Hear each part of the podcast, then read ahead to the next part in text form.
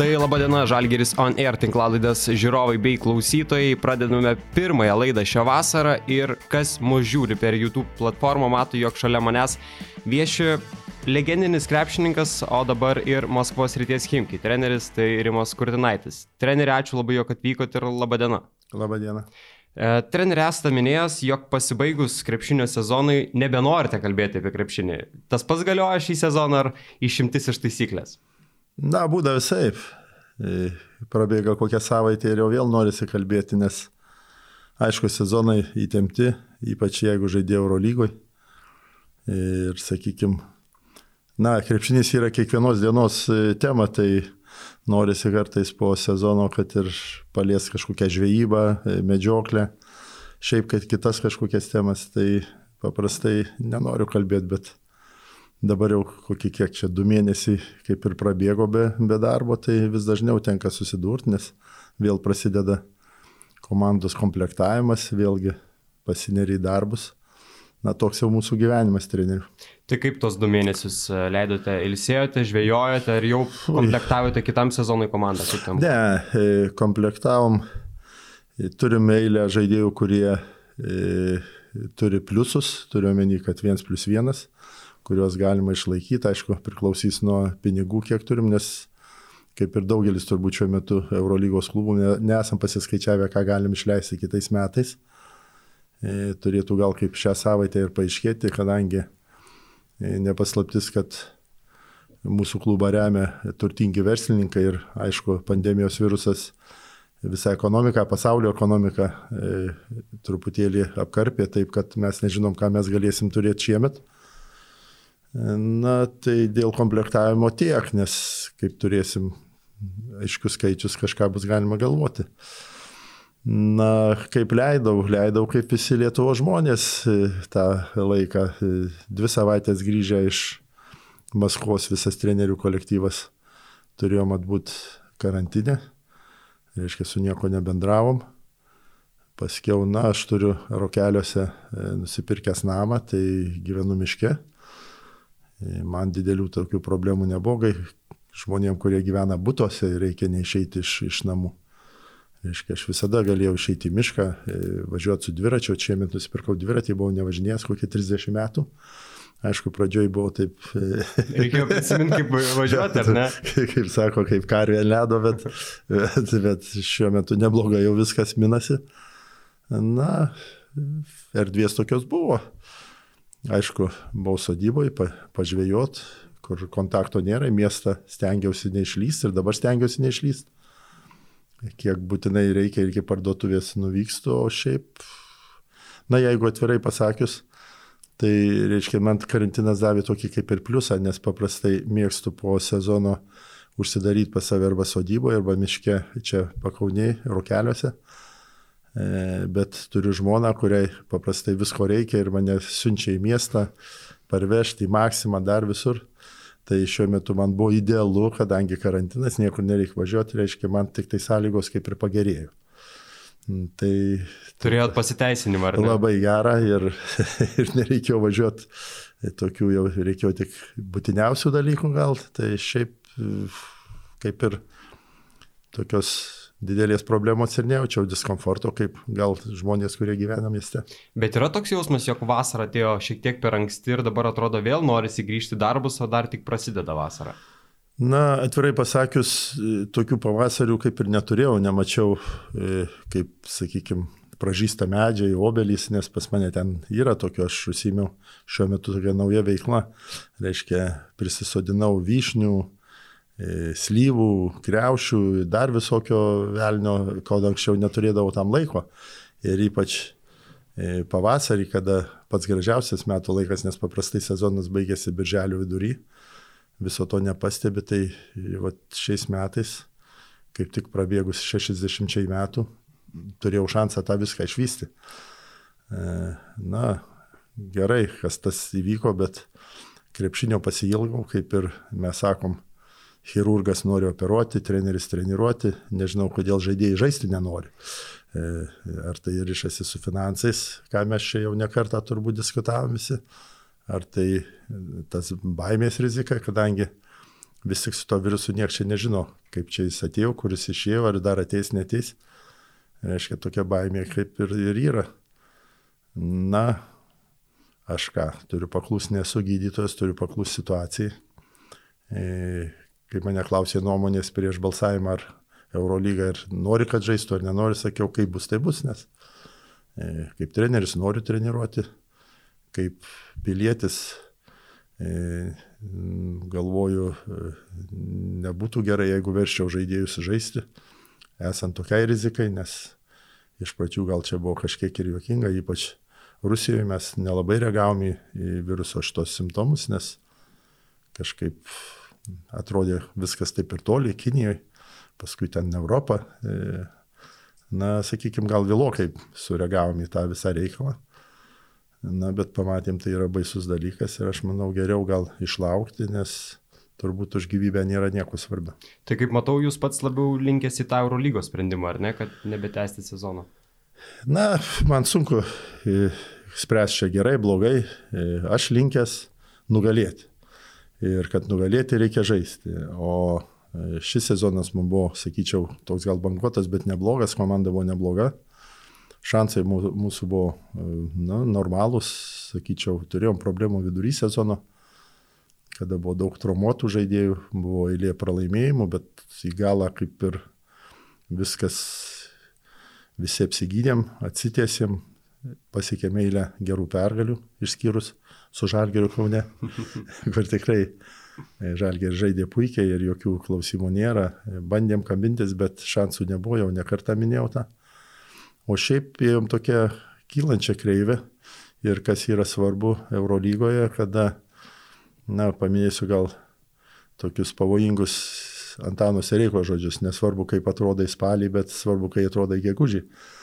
Tai aišku, tik reikia treneriui lygi to gegužės datemti dar, bet jeigu datempi, tai mes, va, ta kreivė mūsų buvo į viršų, grafikas buvo gan palankus mum, kad papulti į į aštuntuką bent pradžioj. E, VTB lygoj dominavom, pirmavom, trim pergalėm buvom nuo CSKC priešą lygi likus šešiem turam, turbūt irgi iki pabaigos.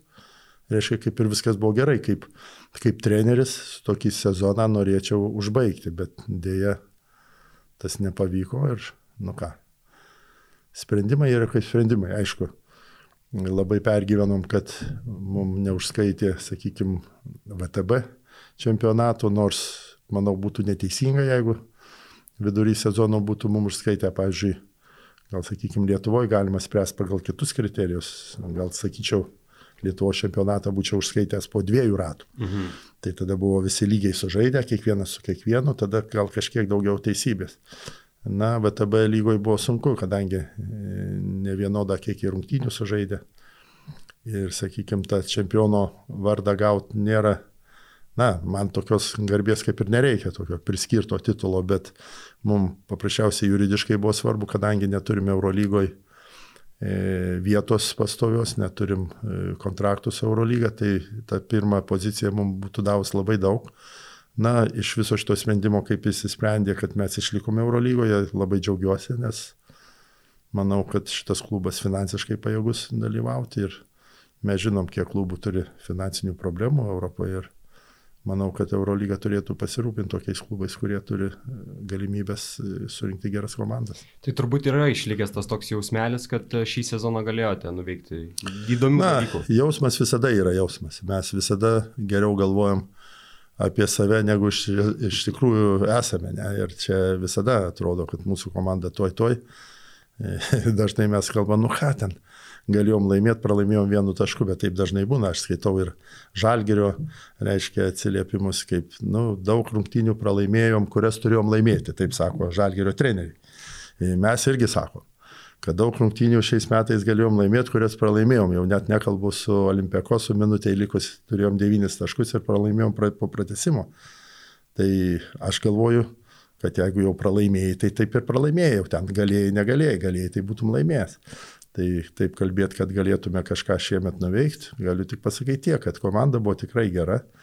E, reiškia, mums užtruko laiko gal susižaisti kažkiek, nes e, buvo prieš sezoną pakeista 10 žaidėjų Ir nėra lengva, kad vieni kitus suprastų, to labiau, kad eiliai mūsų žaidėjų iš NBA, kurie e, labiau žiūri savo asmeninius, sakykime, rodiklius ar pripratę žaisti individualiai, reikėjo juos visus su, suvaryti į krūvą, padaryti komandą. Tas užėmė nemažai laiko, bet jau po naujų metų kažkas, kažkas jau skilo. E, su komandos vadovybė kalbėjote po sezono arba jau Taip, išsiskiriant? Pastoviai mes kalbam. Kaip Nes... jie vertina visą tą sezoną? Na, vertina gerai. E, reiškia, mūsų uždaviniai buvo e, papulti į aštuntuką Euro lygoje ir e, būti finale VTB lygos. Reiškia, pagal reguliarų sezoną mes septinti buvome Euro lygoje ir pirmi VTB. Reiškia, kaip ir to nuo grafiko neatsilikom, bet aišku, buvo tokių rungtynių, kur privalėjom laimėti, nes, e, reiškia, jeigu norėtų būti ir laimėti kažkokius titulus, yra rungtynės, kurias tu pasiskaičiuoji, kuri, kurias tu ant popers esi stipresnis. Daleiskime, mes pralaimėjom Valencijai namuose, ko negalėjo būti, mes pralaimėjom Zenitui namuose, ko neturėjo būti. Aišku, negaliu pasakyti, kad e, pri, tą galėjom laimėti, mes negalėjom, nes paprasčiausiai blogai žaidėm. Ir buvo tokių dalykų, kur klubo vadovybė nebuvo visiškai patenkinta, bet, bet vadovybė buvo kantri kaip ir žalgerio, sakykime, vadovybė, nes po eilės pralaimėjimų, aš manau, tokiuose klubuose Euro, Eurolygos sunku būtų po tokių serijų pralaimėjimų išlikti treneriu, nes e, tikrai krepšinis tampa labai agresyvus, e, pinigai nemaži, reikalavimai dideli, ypač, sakykime, Rusijoje ir, ir kad išlaukė ir žaidimas pagerėjo ir mes tom grafikę, sakykime, kreivai, šleivai, bet išsilaikėme. Na ir tas potencialas, kurį mūsų komanda turėjo ir tas žaidi, žaidimo gerėjimas į galą sezono, nudavė nemažai vilčių mums kažką nuveikti, bet dėja, niekada mes to jau nebesužinosime. Dabar kiti metai, kita istorija, kiti žaidėjai. Na, bandysim priklausomai nuo biudžeto sukomplektuoti tokią pat komandą, kokią turėjom šiemet. E, kaip suprantu, iš jūsų kalbų kitą sezoną pats liksite, ar ne Maskvos ryties komandai? Taip, aš turiu kontraktą dviejų metų ir bent pakol kas niekas ne, nesikeičia. Tai pagrindinis tikslas išlaikyti brandolį, ar turite kažkokių kitų?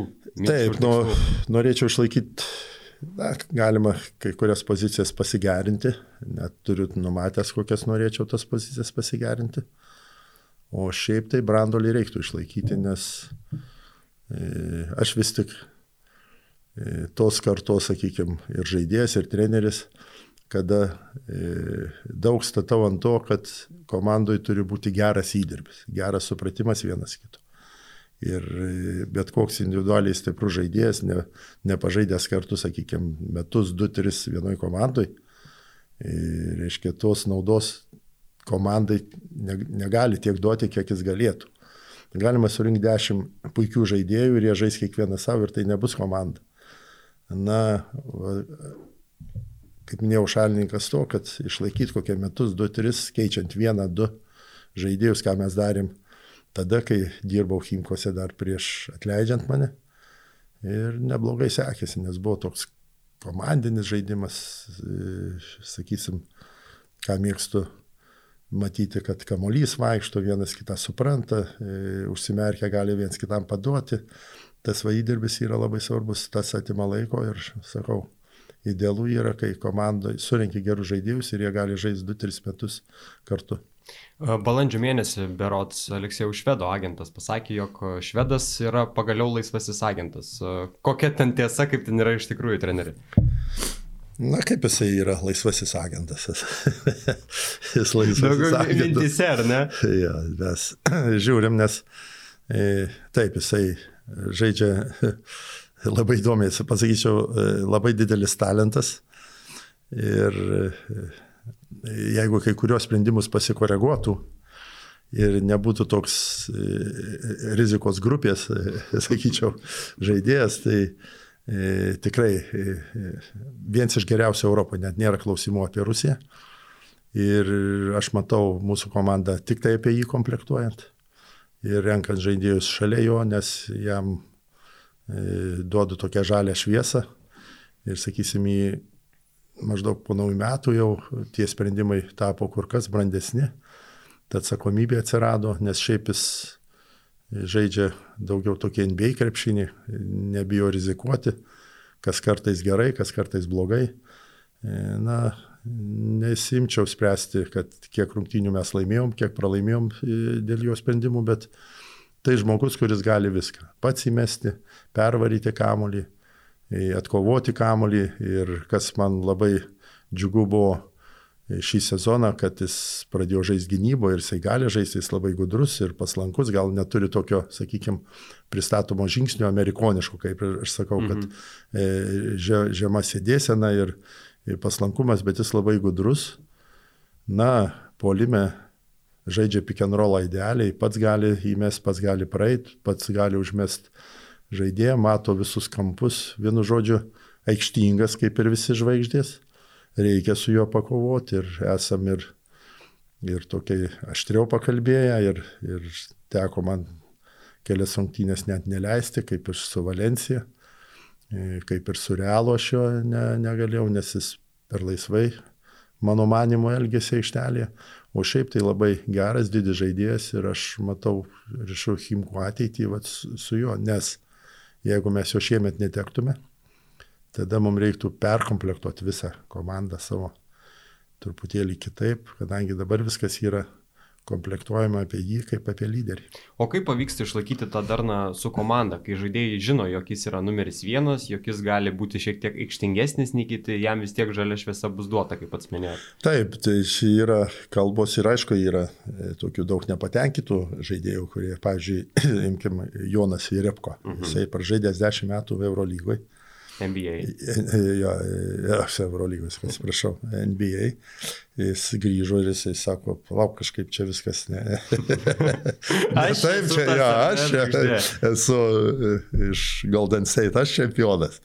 Bet tai, nu, tenka daug kalbėti individualiai, tenka kalbėti prie, sakykime, su visa komanda, nes daleiskim, treneriai mėgsta pasikviesti kažkokį žaidėją ir jam pasakyti, ką reikia daryti, nes, aišku, žaidėjui diskomfortas kaip prie visų jį bari, aišku, niekas nenori būti e, linčiuojamas, bet aš laikausi kitokios taktikos ir ne, žaidėjai mane vieni myli, kiti nemyli, ar ten gerbė, negerbė, e, mažai man tas rūpi, nes aš žinau, kad mums reikia įvardyti savo bėdas ir tas bėdas ištaisyti. Geriausia tą padaryti visiems girdint, nes, daleiskim, imkim vėl tą patį Aleksėjų švedą. Aš su juo kalbu individualiai ir sakau, Aleksėjau, negerai, kai mes einam 3 prieš 1 lygus rezultatas minutė lieka ir tu meti tritaškį, mes neįmetam ir gaunam atgal ir pralaimim rungtynės. Tai nėra gerai, aš kalbu su juo asmeniškai. Ir kitas rungtynės tas, daleiskim, dalykas kartojas. Tada visi žaidėjai galvoja, kad treneris, reiškia, neturi, na, sakysim, taip, kiaušinių pasakyti lyderiui, kad tai negerai. O kad jisai nevykdo, žaidėjai nežino, ką aš kalbėjau su juo. Todėl aš priėmęs tokią, sakysim, apskrito stalo taktiką, dar nuo departamento laikų, kada dirbau, kadangi visus sukviečiu, visas pusės, kurios kažkuo ginčinasi, kažko nepatenkintos ir prie visų išsakau, kaip man atrodo. Taip mes darom ir su visais lyderiais, man yra nesvarbu, jeigu jūs pamena tą istoriją, mes atsis, atsisakėm Lankfordo paslaugų, kuris yra vienas iš geriausių, kada nors žaidęs e, Eurolygoje ir buvo tikrai brangų žaidėjas 10 milijonų jisai mums kainavo, bet priverčiau išeiti iš komandos vien dėl to, kad jis nenorėjo paklus bendrom taisyklėmis, toks buvo vėlgi aikštingas, bet savotiškai aikštingas, nors labai geras žaidėjas. Taigi mes sėdim per susirinkimus visi kartu ir sakau, Aleksėjau, tas negerai, Jonai, tas negerai, prie visų. Ir jeigu tada per rungtynės tas žaidėjas netlieka to, ką mes apie ką kalbėjom, bent jau kiti žaidėjai žino, kad mes stengiamės tą problemą ištaisyti, bet čia yra jau ne trenerio problema, bet yra žaidėjų, kuris gal nenori, nemato, negali taip greitai ištaisyti. Manau, kad šita taktika yra tokia skaudesnė žaidėjim prie visų klausyti savo bėdas, bet jinai turi tokia, duoda greitesnį efektą ir aš manau, jinai yra teisingesnė. O treneri, gal išbandėt ir apskrito pilno stalo metodiką su žaidėjais? Ką turėjote omeny? Nežinau, čia galim paimprovizuoti. E, nėra tekę su žaidėjais kalbėti, galbūt ne krepšinio aikštelė, ne aikštelės ribo kažkur išėjus į miestą.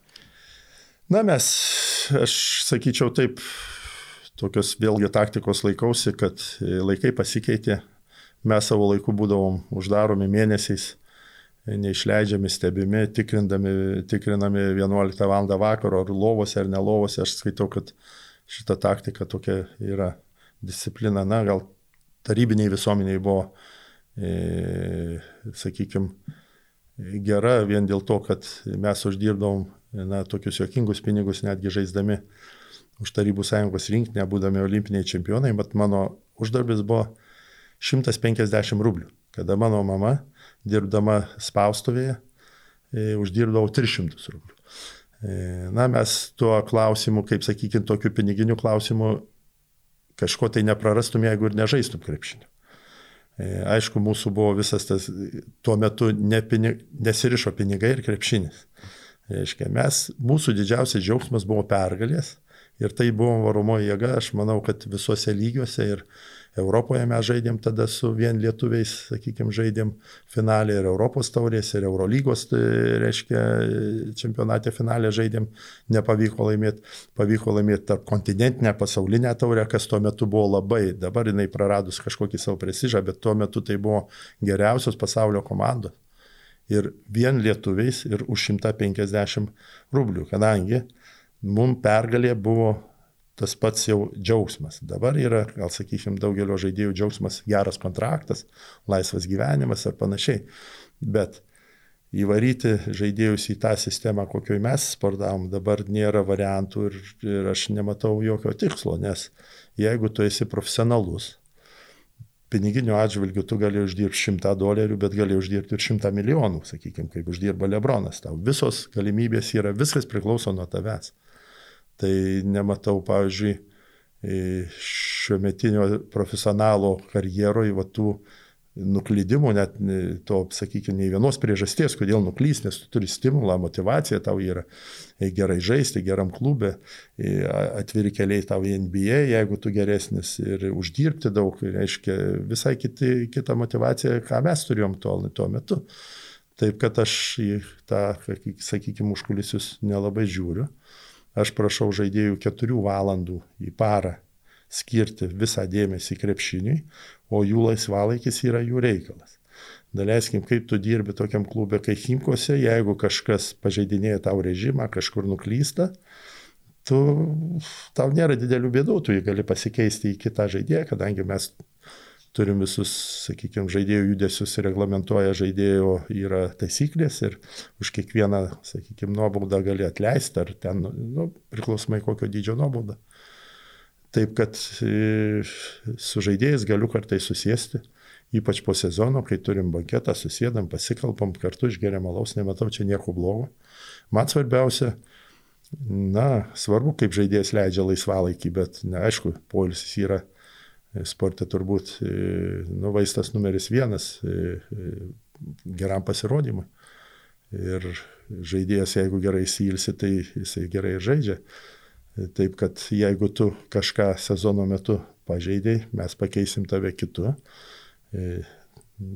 Nematau problemų. Man svarbu, kai esu kalbėjęs vėl, gal tokias pavardas paminėsiu, kai žaidė Jasikevičius Panaitinaikose, o Bradovičius buvo treneris. Ir su Bradovičiu mes geri draugai, kadangi jisai buvo, mes buvom priešininkai, mes vienmečiai. E, jis buvo mano treneris Madrido Realė, kada žaidėm su Arvidu Saboniu. Ir mes lygi šiol esam geri draugai.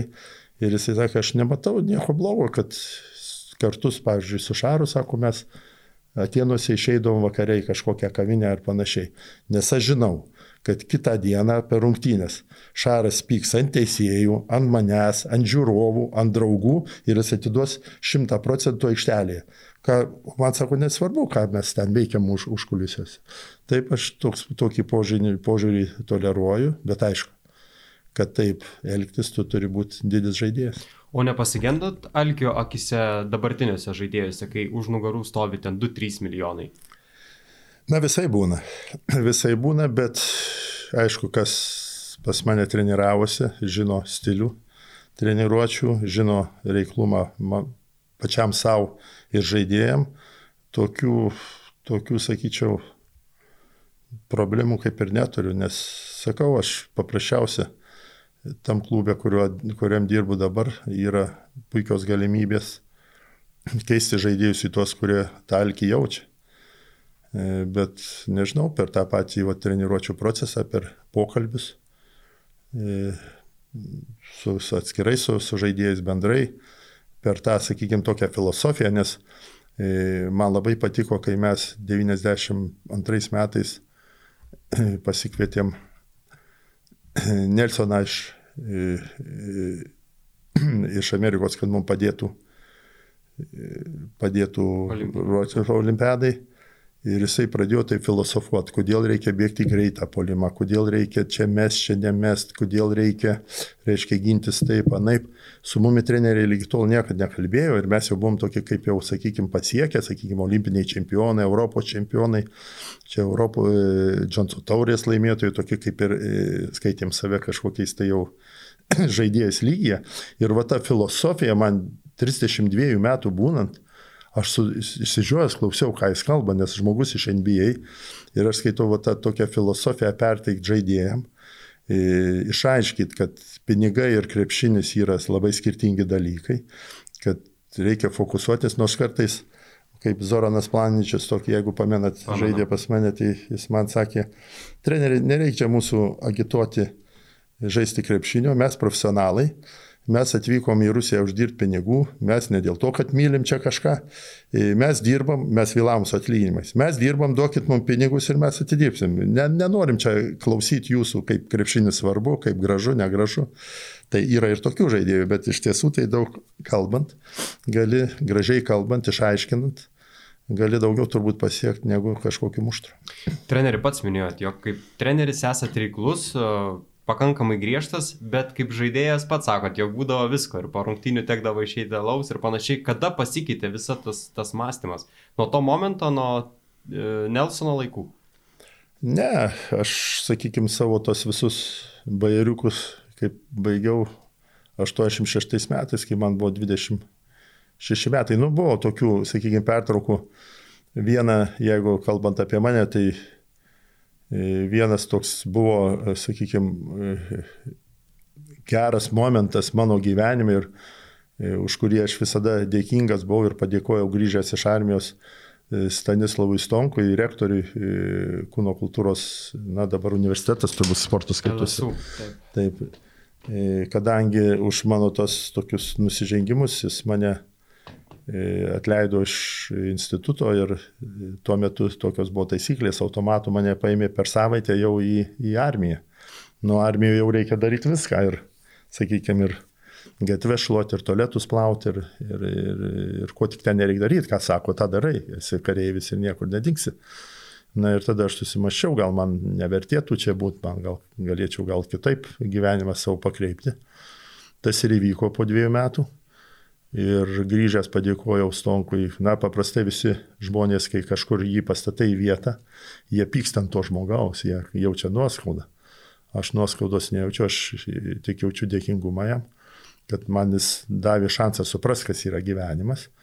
Na, aišku, grįžau į Žalgerį, vėl čia viskas tokia perspektyvi komanda, mes tokie stiprus, aišku, atsirado tokių žvaigždžių kaip Arvidas, sakykime, na, buvo Jovaiša, Homičius Na, mes leisdavom taip savo, po, aišku, pati sistema buvo tokia, e, žaidi turuose, turas ten užima, sakykime, su išvykom 10 dienų, paskui kokie 2 mėnesiai laisvi, lygiai kito turo.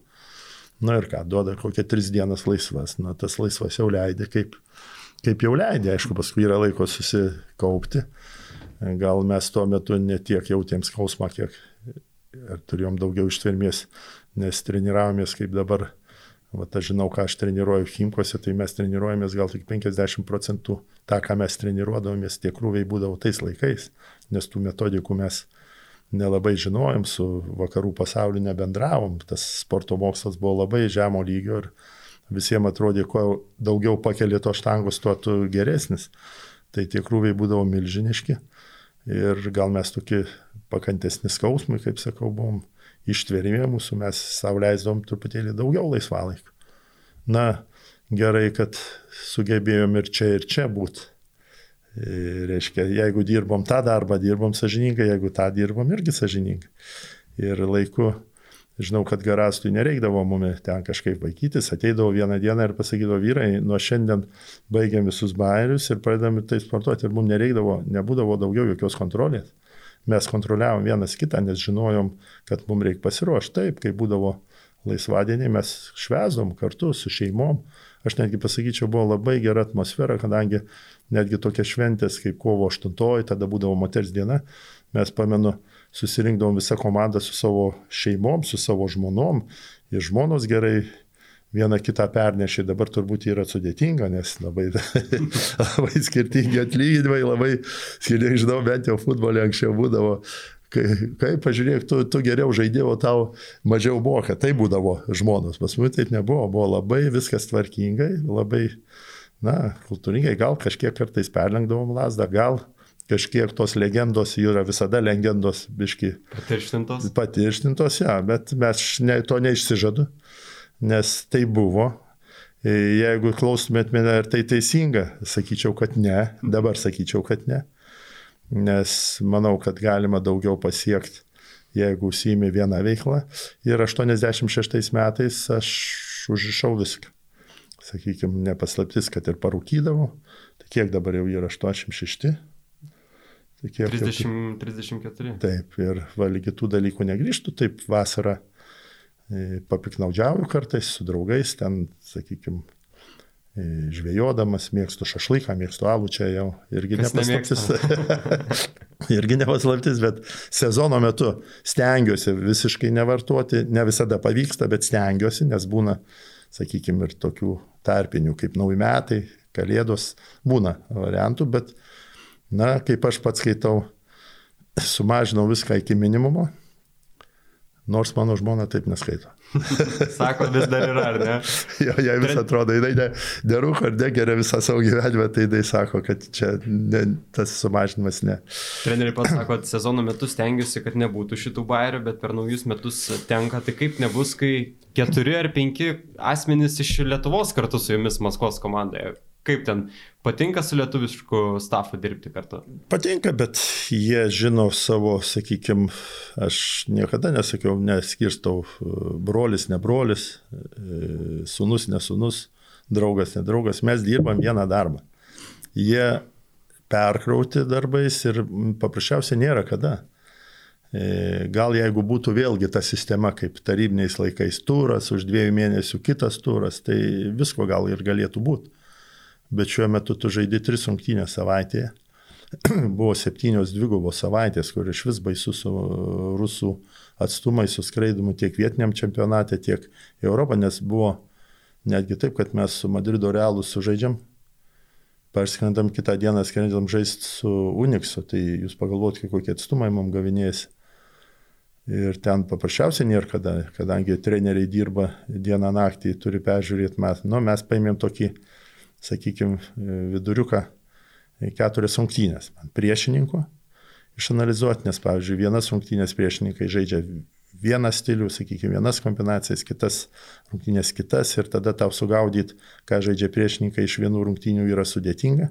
Tai mes tai paėmėm kokią keturių rungtynių, išsiskaičiuojam, kokius daugiausia derinius daro komandos, tuos derinius persižiūrim gynybas Bet kad tą darbą atlikti, kad padarytą, sakykime, penkių minučių filmą, kaip mes vadinam, tą skautingą e, komandai, tu turi peržiūrėti keturias rungtynės. Tai vat, mano sunus Gedrius ir, ir Aurimas Silionis, jie tuo klausimu dirba, nemiega naktim visą sezoną, kadangi ir, e, sakykime, na, nes, nenoriu sumenkinti tikrai LKL, bet, sakykime, Žalgeris gali leisti savo žaisti, na, daleiskim, su prienais. E, keliem žaidėjim duoti pailsėti, gal netiek daug koncentruotis, ką mes ir matom kartais tos rungtynės, Žalgeris be vargo numuša realą išvykoj, nu, suvargo gal, sakykime, ne, ir, ir vargsta su kokia utena e, Lietuvoje. Tai aišku, tie lygiai e, ne, nepasako, kad žalgeris yra silpnas. Tik pasako, kad tas susikaupimas gal kitas, gal žaidėjai daugiau ilsisi. VTB lygoje to negali padaryti. Ispanijos lygoje to negali padaryti, nes visos komandos yra, na, tokios playoffinės, sakykime, visos pinigingos, visos turi gerus žaidėjus, gal brangesnius, pigesnius. Ir tuos, vat, skautingą, dėl ko aš visą tą pradėjau, tu turi daryti taip pat. Ir tom ir tom komandom. Tai trenerių darbas tikrai yra didelis ir ten tokio laiko kažkokio, e, kažkokiam laisvalaikiu. Mes turbūt, aš šiemet per sezoną, tai turbūt vieną kartą buvau tik tai į Maskvą išvažiavęs iš savo to ratelio, vat, iš salės. Mes praktiškai gyvenam salį. Burbulė kažkokiam. Tokiam. Turim savo ekraną, susidėję, žiūrim, jeigu baigiam savo daryti anksčiau, tada greitai įjungiam LKL, pasižiūrim, kaip daug Žiūrite matom. LKL? Žiūrim ir LKL, žiūrim ir Europos taurės, kur ir, sakykime, Neptūna žaidė, ir, ir Panevežys, viską tą stengiamės peržiūrėti. Ir kokią dešimtą vakarą grįžtam namo, numingam ir dešimtą ryte vėl, vėl darbė. Ir tas vat visas sukasi e, ratas ir, ir ten jau nėra net kada kur sujudėti, jeigu jau ir norėtum. Bet aišku, e, nesinori šiuo metu taip elgtis vien dėl to, kad yra kažkokie tikslai. Ir čia turbūt nepaslaptis, kad, e, kad blaivę galvą gali daugiau nuveikti negu besilinksmindamas. Taip kad darbas verčia būti rimtam. Baigiant tą temą su Himki, buvo nemažai žiūrovų klausimų apie tai, ar matote kažkokį lietuvį Himki komandoje, kalbant apie žaidėjus. Taip, matau ir šiuo metu matau ne vieną. E, Bet dar gal anksti čia kalbėti, žiūrėsim, kaip čia viskas dėliosis. Ir visų pirma, mums reikia žiūrėti savo pinigus. Antra, aš vertinu lietuvišką krepšinį, vertinu. Man, jeigu taip per visą karjerą, tai su kuo buvo maloniausia dirbti, aš galvoju, kad su lietuviais, kada tuo metu dirbau Lietuvos rytė, nes, sakykime, susirinko ir labai gera tokia kompanija kaip Jomantas, Babrauskas, Lukauskis, Marijonas e, e, Petravičius, ne? E, Sinica, leiskim, visų net net. net Nuvalančiūnas atėjo vėliau, kokį pusmetį aš su juo dirbau, bet jis gerai, vaikis labai gerai dirbo. Tai su jais galėjai dirbti 3 valandas, jie niekada nejautė nuovargio, nejautė skausmo, matė tikslus, ką mes ir pasiekėme. Na, vertinu lietuvius ir norėčiau turėti pas save. Aišku, tai yra didelė atsakomybė, nes ir dabar yra didelė atsakomybė, nes visi taip viena ausim, viena pusę lūpų kalba, kad va, Kurtinaitis atvažiavo, susivežė lietuvius ir panašiai, bet man nusispjauti į tai, kadangi jie gerai dirba, aš džiaugiuosi, kad šitiem treneriam duodu šansą, gal jie ne tik, pavyzdžiui, aš labai džiaugiuosi už Kestą Kemzūrą, kuris savo laiku išvažiavo antrų trenerių dirbti su Blatu, paskui liko pirmų netgi dabar ir Olimpekose ir, ir jisai pasiekė vien dėl to, kad jis turėjo tą prieki kažkokį žmogų, kuris išnešė į tuos tarptautinius vandenis, nėra taip paprasta papulti į Eurolygos komandas. Na ir džiaugiuosi, kad va, tokią turėjau progą pereitą sezoną ir šį, tą lietuvišką kolektyvą sutemti. Dar būtų gerai porą kokių lietuvių žaidėjų atsitemti kodėlgi ne. Treneri, užsiminėt apie tuos uh, trenerius, ar ne, Eurolygos. Yra kalbų, jog Eurolygos treneriai yra lik uždaras ratas, ar ne, ir jį pasibelsti yra labai sunku. Kiek ten yra tiesos? Na, žinot, klubai skiria labai didelius pinigus. Nenoriu net tų skaičių vardinti, Saiska turbūt dabar tik tai truputį apsiribojo, bet anksčiau toks biudžetas, koks ir buvo, toks atviras, kiek reikia, tiek, tiek jie gauna.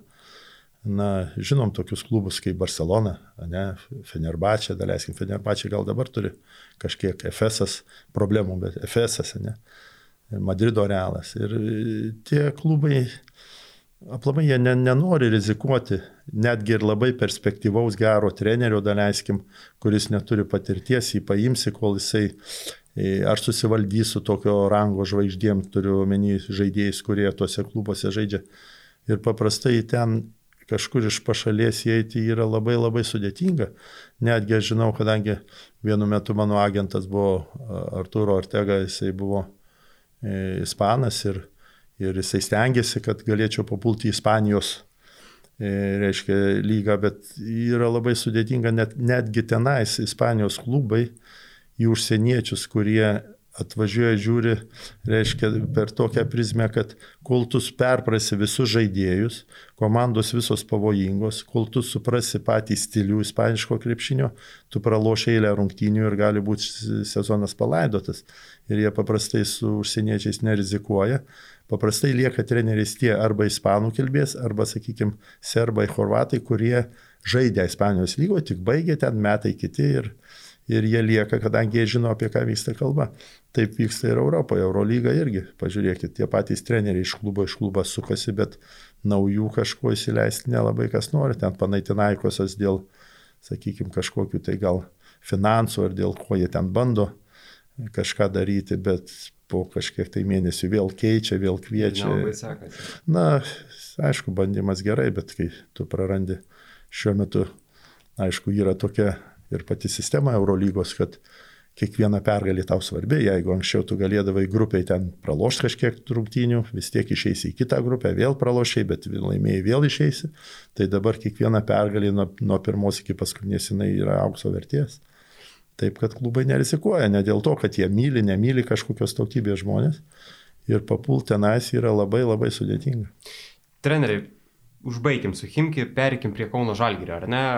Dar tuos laikus sugrįšime, kaip pat žaidėte, bet man viena labai įdomi yra istorija. Žalgirio nesate treniravęs, bet esate minėjęs, jog su Romanovu yra tekę kalbėti 5 valandas ar 4, ar ne, apie Žalgirio treniravimą. Tai koks buvo tas pokalbis ir kodėl nepavyko jo išgildenti iki galo? Pamenu tą istoriją? Pamenu, visą dieną. Užžiūrėjau visą dieną. Devintą atvažiavo triternė, penktą išvažiavo. Ne, devintą gal taip anksti nevažiavau, gal kokia vienuolikta. Ne, nu ką, jisai žmogus, kuris norėjo padaryti, kad klubas būtų pirmas. Aš, pavyzdžiui, aš labai gerbiu, man teko su visokio plauko žmonėm dirbti, ne? E, turbūt žino tą istoriją irgi su Kantu Italijoje, su Gerasimenko, kur labai toksai kaip ten sako, priešingos e, verslininkas, kaip ten kažkokie yra pasakymai, e, reputacijos, ne. Tai, nu ką jisai dėliojo savo matymus, aš dėliojau savo matymus. Jisai sakė, kad mes turim gerą komandą, o aš sakiau, kad jūs neturit geros komandos, nes jeigu jūs turėtumėt gerą komandą, jūs būtumėt laimėję prieš rytą, bet jūs nelaimėjot. Na ir mes taip pagal pozicijas, jis man išdėliojo, reiškia, parodė visas e, futbolininkų, tas, sakykime, kiekvieno futbolininko yra tokios surinktos kaip policijoje, kaip dosie. Mhm. Ir ten, istorija. Ką, jo, istorija, ką jis ten valgo, ką jis miega, ką jis daro, kaip ten kažkaip jisai skaičiuodavo pagal dar tuos žvaigždynus, kažkas ten vykdavo. Na, sakyčiau, jis paėmęs tą visą modelį iš, na, jis man sakė, man atrodo, iš Liverpoolio, atrodo, iš futbolo komandos. Na, daug tokių dalykų buvo labai naujų, kur, na, sakykime, pusės nesupratau, apie ką kalba. E, pusę gal supratau ir tokio, kur nieks nenaudoja, bet gal ir visai jis ten nebuvo taip e, beviltiškai viską padaręs, nes tikrai labai tvarkingai viskas sudėliota. Aš visada žmogų žiūriu, kaip jisai apsirengęs. Rūbas gali būti ir senas, bet jis būtų švarus, užlopytas, jeigu jis suplyšęs. Tai pasyvat visi tie dalykai, kabinete labai viskas tvarkingai sudėta, ten nebuvo bet kaip. Ten labai žmogus su, su tokia protinga galva, netgi kartais mes gal jo neįvertinom savo laiku. Ir jis, mes dėliojamės, aišku. Jis neblogą tokią pasakė frazę tada irgi, sako, žinai, sako, jeigu dabar tu ar nebijai dirbti žalgerį, kadangi dirbai ryte. Sakau, ko man bijoti, aš dirbu, aš esu samdomas darbuotojas, ašgi ne, nepaišau paveikslo kažkokiai grupiai žmonių, kaip dailininkas paišo paveikslą pasauliui, tai aš šiandien dirbu Antarktidoje ir vakar dirbau Baku, tai, tai čia man tokių klausimų nėra, bet sako, žinai, gal Vilniečiai bus nepatenkinti, gal e, sakau, nu ką, nu, niekada nebus visi patenkinti. E, bet jis geras, sako, tokia taisė, sako, bet žinai, jei kiekvieną dieną tave lups per laikraštį, koks tu blogas, vis tiek, sako, už, e, užgauna, nors atrodė, ne, ant Romanovo visokius rašo, atrodo jam kaip, kaip vanduo nuo žasies, ne, vis mhm. tiek kažkur pasąmonė tas ir, sakau, ne, aš tokių dalykų nebijau, bet mes, esmė ne tame, bet esmė yra, kad mes nesutarėm pačio to tokio valdymo, nes aš nemėgstu, kai man kažkas pasakinėja, išskyrus, sakykime, pagalbininkus, trenerius ir E, vadovauja, o mesgi žinom, koks buvo Romanovo vadovavimo stilius su kažkokiais rašteliais, pasako, kas turi kokią minutę žaisti, ką keisti, ką nekeisti, ten tokia man sistema jinai netiko.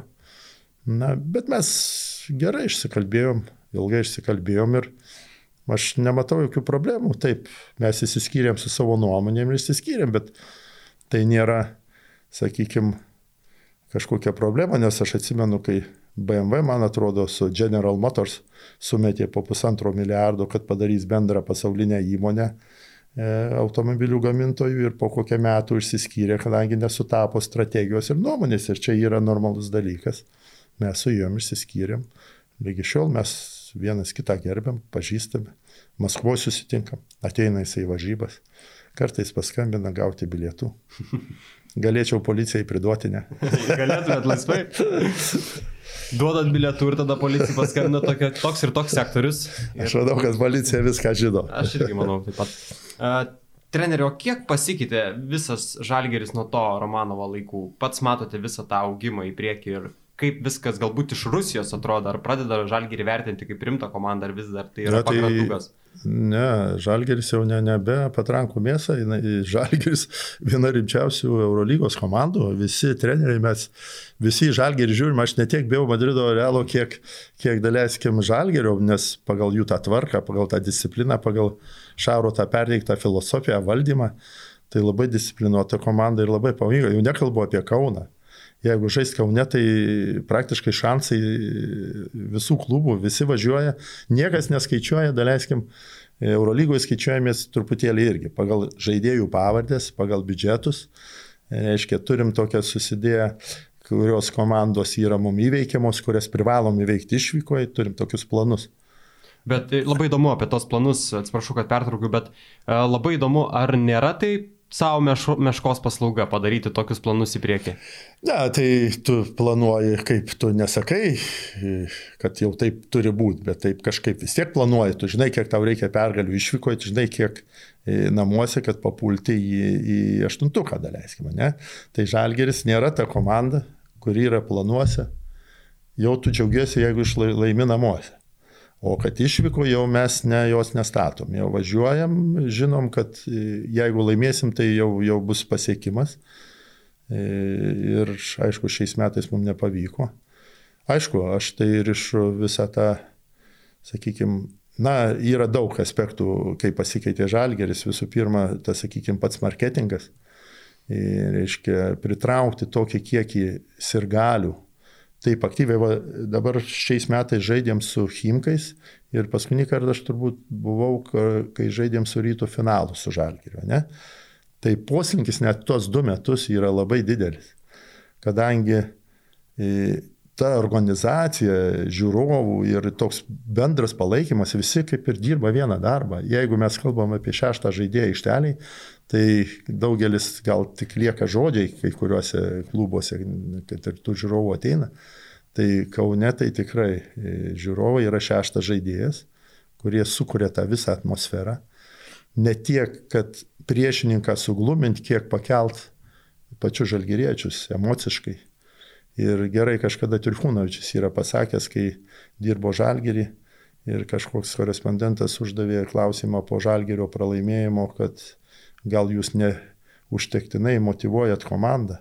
Ir Turkūnovičius labai gerai atsakė. Ką, apie kokią motivaciją kalbam, kai 15 tūkstančių žiūrovų sėdi salėje? Apie kokią dar žaidėjim gali kalbėti motivaciją? Čia jau yra ta motivacija. Taip ir yra, mes matom rezultatą, na, aišku, Šaro indėlis jau čia nepakeičiamas ir e, manau, iš, vienas iš geriausių trenerių, koks Žalgerį kada treniravo, aišku, nesumenkinant Jono Kazlausko nuopelnų, nes laimėta Eurolygą, bet Šaras išvedė žalgerį į, kitą, į kitas aukštumas. Yra tekę girdėti apie tai, jog Eurolygos žaidėjai mėgaujasi žaisdami čia. Tos tikros žvaigždės Eurolygos mėgsta žaisti žalgerio arenoje. Tai čia ir yra tas, kad jie paima visą tą energiją į save, tie žmonės, kurie yra lyderiai. Na, žinot, aš jums pasakysiu, kaip man teko žaisti tokiuose salėse, kur ir 40 tūkstančių talpina ir daugiau. Ir man visiškai kaip žaidėjui būdavo Nesvarbu ar už ar prieš, svarbu, kad būtų ta pati atmosfera. Mes dabar kalbam apie kitą sezoną, jeigu eilė, kiek teko skaityti, komandų gal nebus leista lankyti žiūrovom. Aš manau, kad be žiūrovų žaidimas tai iš vis jis nėra žaidimas. Nes tas žiūrovas, va, būtent toks kaip Kaune, tai jis yra krepšinio dalis. Nes jeigu tu ateisi į tuščioj salėje žaisi, tai aš ne, nežinau kaip tai, va, Kaune visi žaidėjai vienašališkai ir mūsų, daleiskim, švedas sako, nu, blemba, važiuojam į gerą salę, o dabar pažaisim krepšinį. Visi nori šitoje atmosferoje, nesvarbu, kad prieš tave bus. Bet va šitą atmosferą jinai, na, aš pasakyčiau, drąsiai pasakyčiau, kad žalgerių fanai geriausi Europoje, nežiūrint į tai, kad Serbijoje, ten, daleiskim, Belgradė ir tų 20 tūkstančių, na, ten irgi, ten turbūt kitoks pragaras bet žalgerių labai organizuoti, labai suprantantis krepšinį, sakyčiau. Na ir jau palaikymas tai yra šimtaprocentinis, čia jau nėra, nėra e, ką ir kalbėti. Treneris, sugrįžkime jūsų kaip e, krepšininko laikus, ar ne? Man labai įdomus tie pirmieji žingsniai žalgerėje. Jūs pats į žalgerį sugrįžot e, po Maskvos CSK etapo, ar ne? Po visų bairiukų. Po visų bairiukų, po kariuomenių ir panašiai. A, kaip sutiko jų žalgerį, žmogų iš didžiausio priešo atvykus į komandą?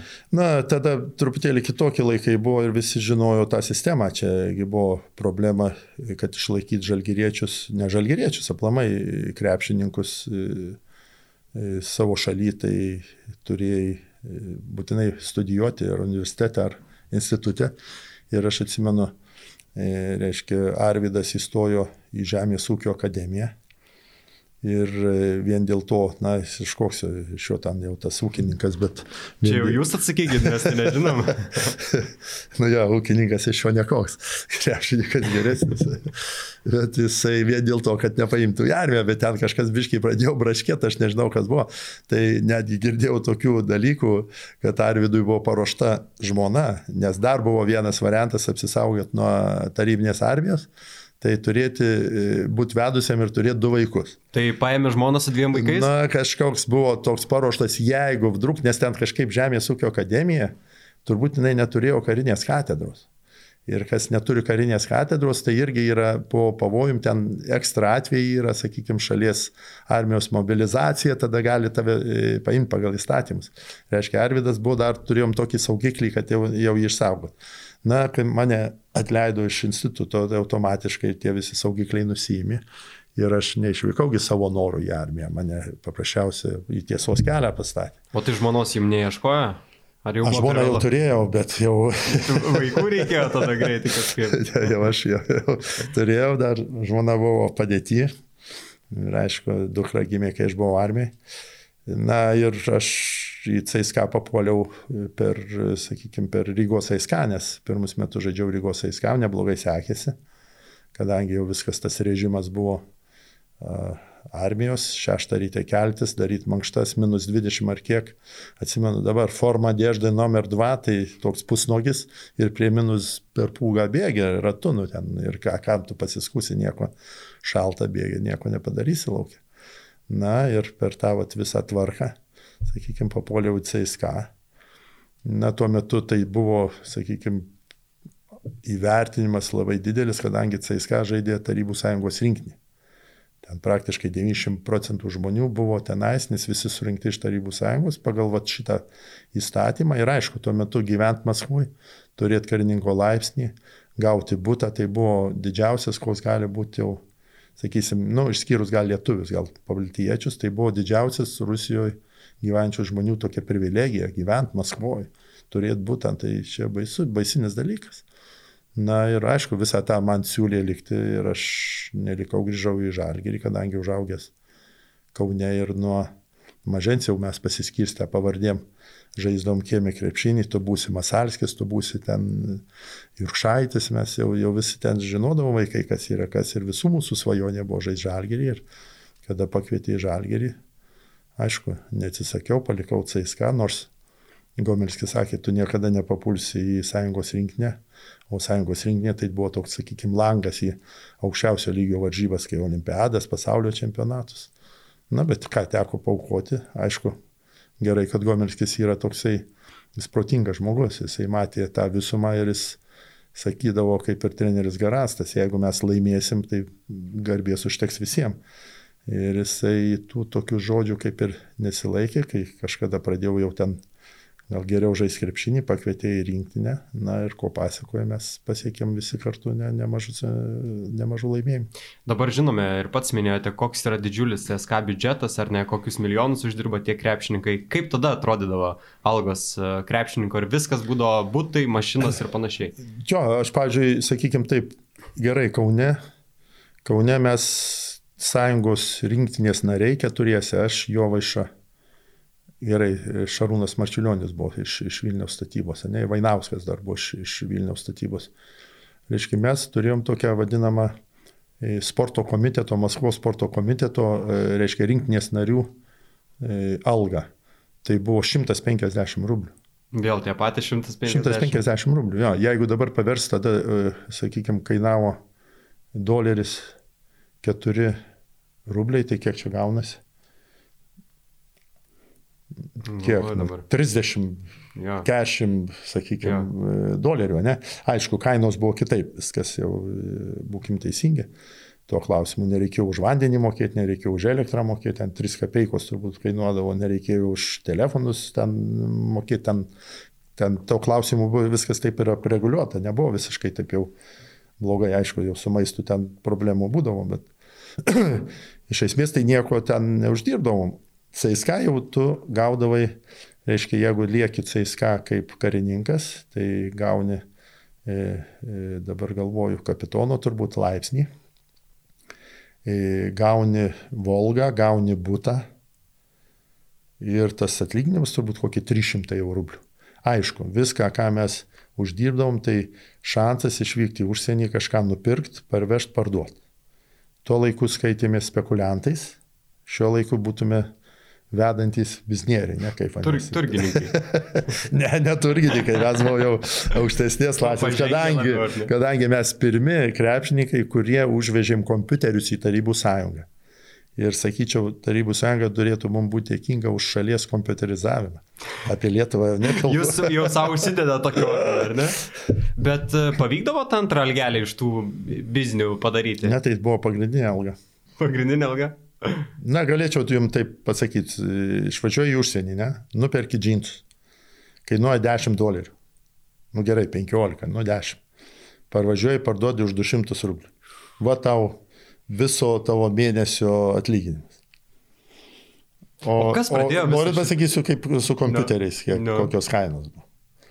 E, kad sulyginimui būtų, tai reiškia, nuvažiuojam į užsienį, nuperkam kompiuterį. Kainuoja 1000 dolerių. Ta tūkstantį reikia pravežti. Jeigu pagauna, tai eini reikalų, nes va, homičiaus galit paklausti, tai yra reikalų. Jeigu nepagauna, tada tu nuperki kompiuterį, parveži ir žinot, už kiek parduodi? Už 75 tūkstančius. O kada atsirado jau 90 metais prasidėjo, jau sakykime, ta nepriklausomybės link artėjom, atsirado pirmi kooperatyvai Ir tada Kauno oro uostas norėjo išparduoti lėktuvus, atsimenu. E, privatiem asmenim, asmenim dar nebuvo galima, bet buvo galima kažkokiam organizacijom. Tai tada kainavo e, JAK 40 lėktuvas 230 tūkstančių. Tai aš tuos pinigus turėjau praktiškai kišeniai. Nešiausi, tiek buvo iš kompiuterius. O toks buvo santykis.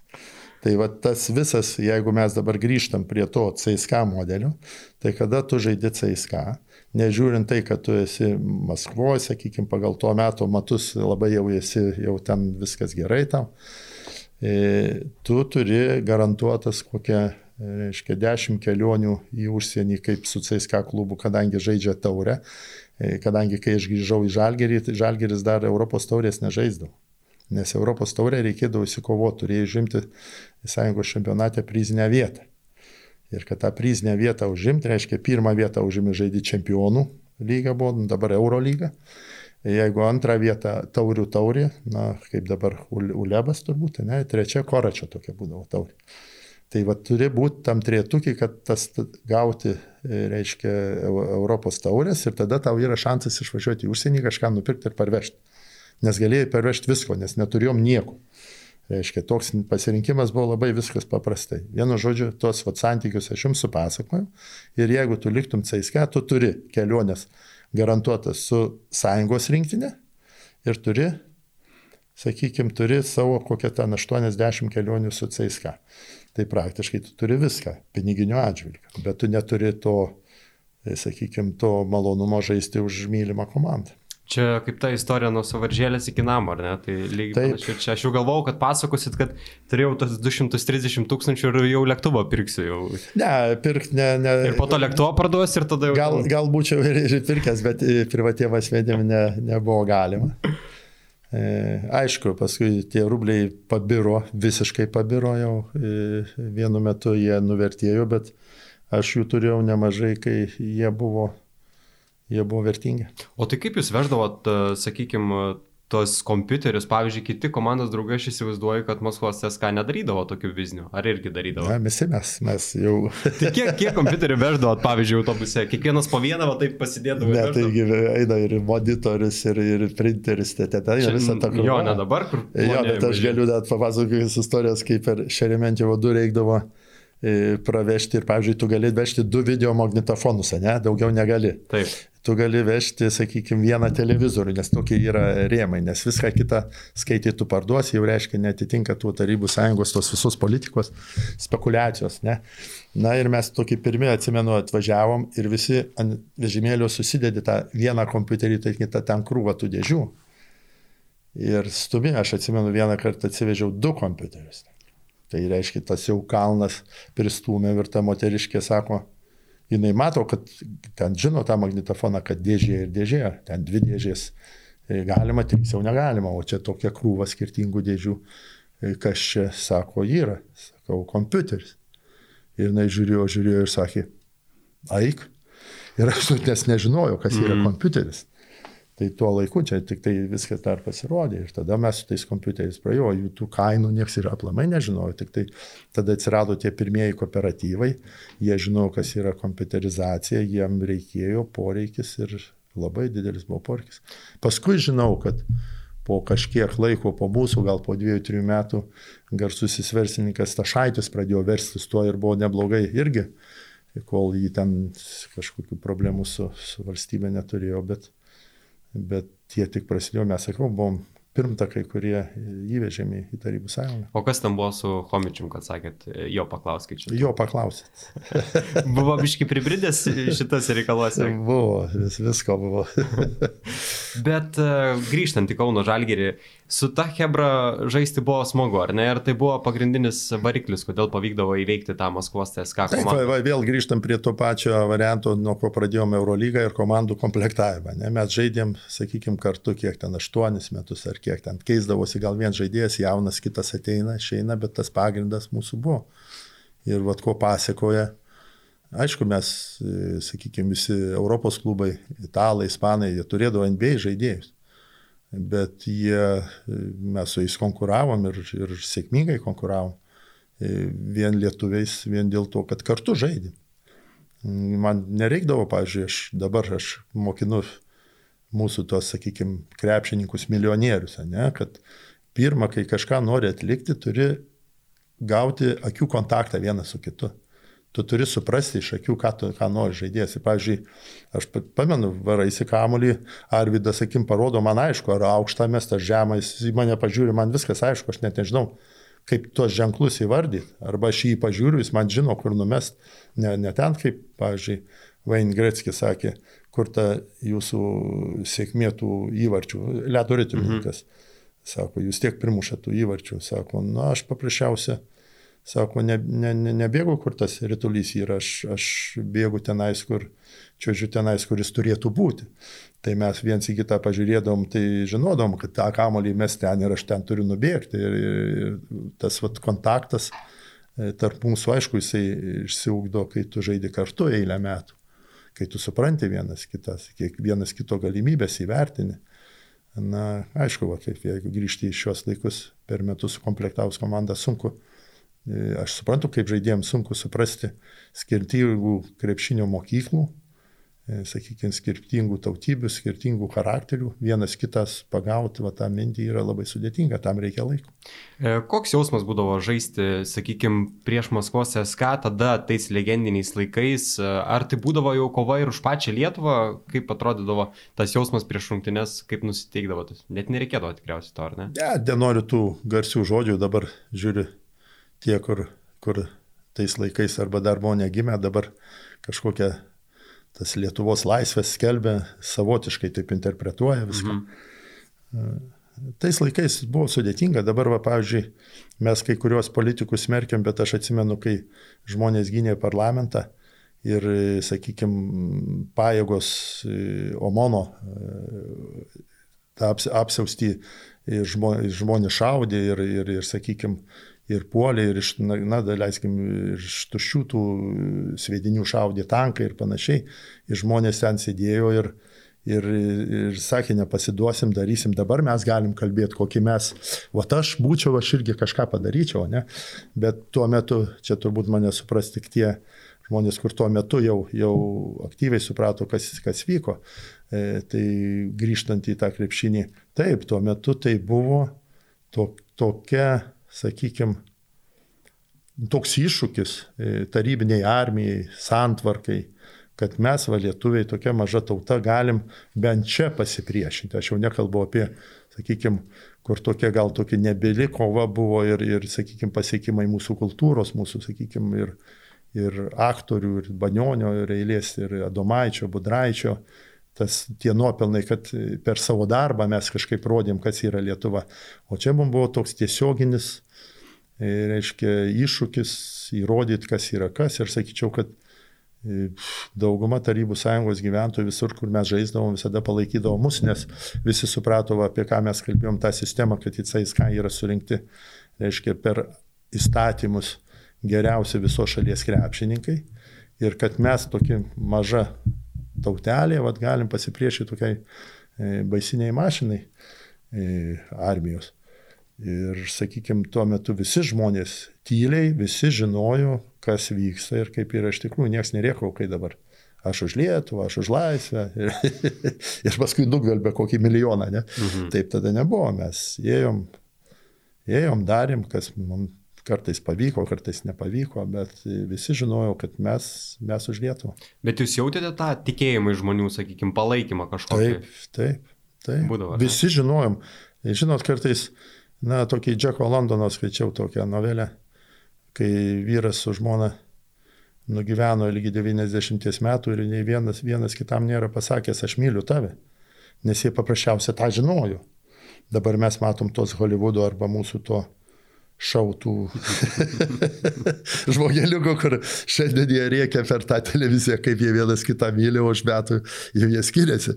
Nes jeigu, sakykime, gal meilė, finansai mėgsta tylą. Ir, ir va, tuo metu mes visi žinojom, ką mes darom. Visa Lietuva žinojo, kas vyksta.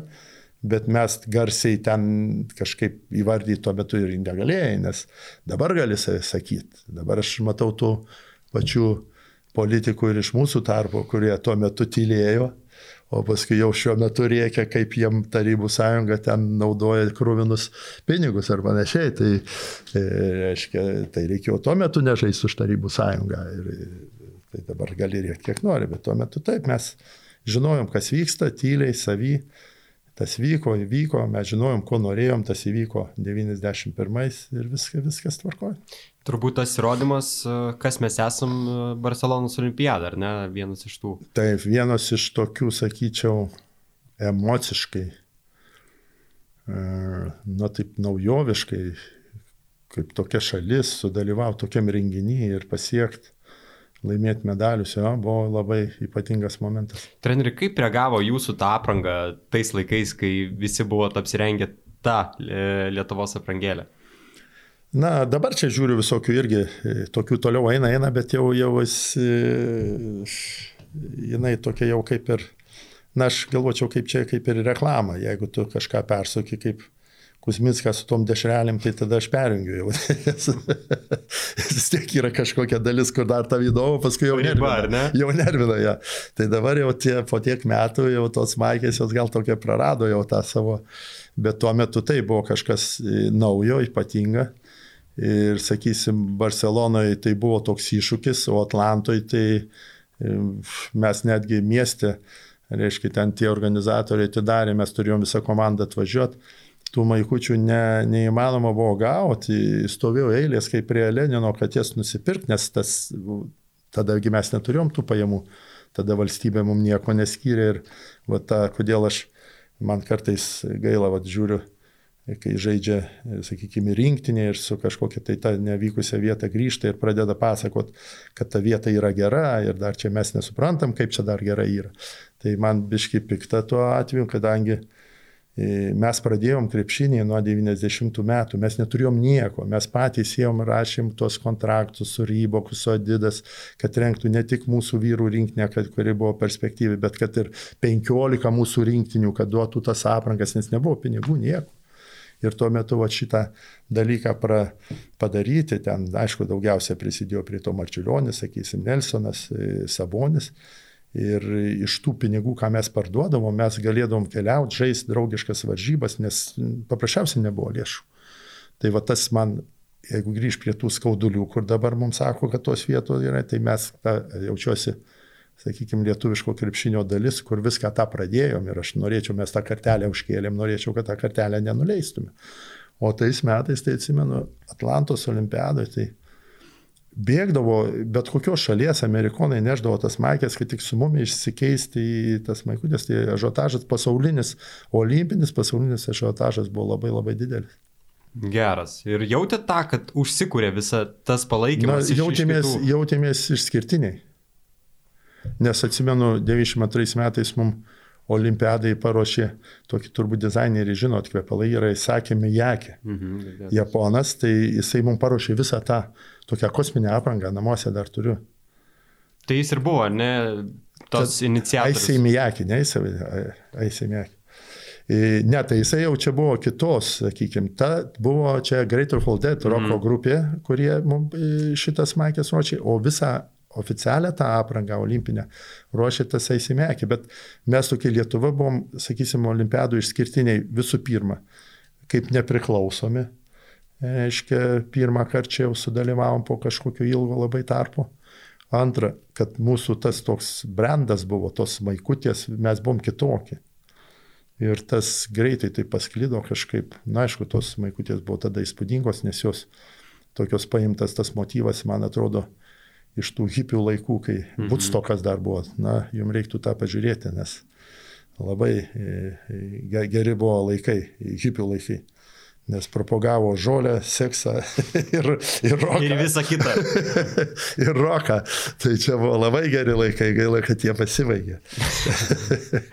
Treneri, o buvo skirtumas, pavyzdžiui, laimėjote su Seulo, Seulo olimpiadą ar ne pirmą vietą, su E, sąjungos rinktinė ir tada po keturių metų trečia vieta. Ne? Vieta gal prastesnė, bet jausmelis vis tiek kitas, ar ne? Na, e, gal sakyčiau, nereiktų taip į vieną krūvą dėti. E, yra du labai skirtingi dalykai. Visų pirma, reiškia būti pirmam pasaulį, kuriam yra 7 milijardai žmonių, turiuomenį auksinis medalis. Taip. Jis jau kažką reiškia. Taip, mes nebuvom, sakykime, ne mūsų buvo kaltie, kad mes turėjom atstovauti ne Lietuvai, kadangi to, taip jau mes gimėm. Tėvų nepasirinksi, šalies nepasirinksi, jau kaip gimiai, tai gimiai. Mesgi sakydom, tais laikais dar rodydavom tą užsienį rusišką pasą ir tą herbą slėpdavom nesakėm, šalies nepasirinksi. Dabar su tuo rusišku pasu jau gauni pusantro milijono, jeigu žaidži Rusijoje krepšinį. jau gal viskas smagu parodyti. Jo, jau dabar gali, gali įrodyti. Tai sakyčiau, pirmą gal, sakykime, tą bedalio vertė, ne, auksas yra auksas. Antra, emocijos ir savo šaliai nuveikti, konkrečiai savo šaliai, dar jeigu savo miestui dar gali, turbūt viskas taip siaurėja, taip, emocijos buvo labai didelės, nes, na, netgi negalėčiau palygyti. Nes čia buvo viskas kitaip. Mes tokie mažiukai, mes atvažiavom, nežinom nei savo galimybių, nei ką mes galim nužaisti. Taip, mes žinom, kad mes ten keturiese, toj penkiese sąjungos rinktiniai kažką galėjom nuveikti, bet aplink mumi buvo kiti. Dabar mes atvažiavom jau patys ir kiti mūsų lietuviukai aplinkui reikėjo kažką nuveikti ir tas pavyko. Ir manau, na, kaip 22 metai tai buvo toks kažkas ypatingo, vien dėl to aš atsimenu tos visus laikus, kai mes vykome į olimpiadą ir mums Seime Vytautas Landsbergis įteikė pasus, lietuviškus pasus, vad pirmą kartą mes juos gavom ir su jais važiavom, tai toks kažkaip viskas buvo didinga ir tos lietuviškos vėliavos ir, ir pats Landsbergis atvažiavo į Barceloną ir atėjo į Rūbinę ir visur ir tie džiaugsmai toks. Tada buvo tikrai toks nuoširdus tautos džiaugsmas ir mes jautėmės, kad atlikom kažką. Labai gražu. Treneri, e, perinant prieš, prie žiūrovų klausimų, e, labai man įdomios yra dvi nuotraukos. E, visada jie žiūri ir galvoja, kokios jų istorijos yra. Ne, viena nuotrauka matome čia. Jūs kartu su Arvidu Sabonė ant rogučių, kas klauso mūsų audio platformomis, nemato, tai ant sniego su rogutėmis Kurtinaitis ir Sabonis kartu ja, sėdė. Prancūzijai pavogė kepurę aruostę. Tiksliai šitą labai buvo gera kepurė. Ja. Čia iš kailio pasiūta labai geras stilius buvo ir kažkaip aruostą paliko. Iš kompiuterių uždirbtų pinigų, ar ne? tai kokia istorija yra slypi po, po šią nuotrauką? Čia buvom Baptose pas tokį labai, sakykime, garsų žmogų, gerą Vytautą Matejūną, jisai dabar gyvena lapėse, elnių savo ugdo ir turi, mhm. turi tuos golfo laukus. A, tada jo, jisai tada tuos elnius augino baptose ir tokia buvo uždara teritorija. Jis yra toks, sakykime, žolininkas, e, nes tuo metu nevartojo aplamai mėsos, jis vienas iš pirmųjų, turbūt čia ta nuotrauka daryta turbūt kokie 80 trečiais metais, ketvirtais gal. Tai tuo metu nebuvo dar, sakykime, veganų, ne veganų, o jisai jau buvo tas vatšalininkas, atsimenu, burokų sultis mes gėrėm, vis visokių velnių mums ten. Prie, prie, tai mes čia buvom su visa žalgerio komanda ir tada buvo žiema ir ten kalnas, tas rogės turėjome, su Arvidu važiavam. Arvidas dar buvo netoks didelis. Tik 2,20. Tik 2,15. Bet klausykit, mados jau ir tada buvo didas batai, didas koinės, jo, kas ir dabar tenai, yra. Top tenai pas, pas Arvidą matau. Ir kiek kaina irgi jau žinot viską, jau ten paminat. 200 rublių. ir antra nuotrauka. Dabar, kai papasakoju tą istoriją apie lėktuvą, galvoju, gal čia prie to paties lėktuvo, kur, kur kainavo. Čia yra keturi vyrukai prie lėktuvo. Lėktuvas tas pats. Tas pats lėktuvas, apie kurį kalbėjot? Toks pats. Nežinau, Toks pat, kiek Kaunas jų turėjo. Kas čia, kur čia keliavot? Čia mes, man atrodo, išvykinėjom į, dabar galvoju, ar į olimpiadą. Mato. A, ma, ma, matau, matau. Žiūrovom. Ar į olimpiadą, ar į gal kokį pasaulio čempionatą. Sako, reikia. Ne, dar sav, savas buvo, tai turbūt į olimpiadą dar Fotosesiją pasidaryti, ar ne? Ne, kažkaip, e, jo, kažkaip korespondentai ateidavo, kai prie lėktuvo kažkaip prileisdavo, dabar turbūt nebeprileidžia jau. Nu, jau labai sunkiai čia jau. Ja, anksčiau. Nu, jūs gal prileisite su, su Arvidu Saboniu prieš akį, tai gal. Nu, tada kažkaip viskas buvo paprasčiau. Tai čia išvykstant, dabar galvoju, gal į Europos čempionatą. Mhm. Supratau. Tai, treneri, pereikim prie žiūrovų klausimų, greitai prabėkim, jums reikės pasirašyti ant kamoliuką ir e, įteikti būtent labiausiai patikusiam klausimui.